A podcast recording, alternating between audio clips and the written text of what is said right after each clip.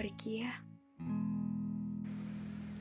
Rasanya terlalu sulit untuk bertahan di sini ketika kau lebih memilih abai dan tak peduli lagi. Mungkin lebih baik sudah saatnya aku berhenti, ketimbang terus-terusan menyiksa.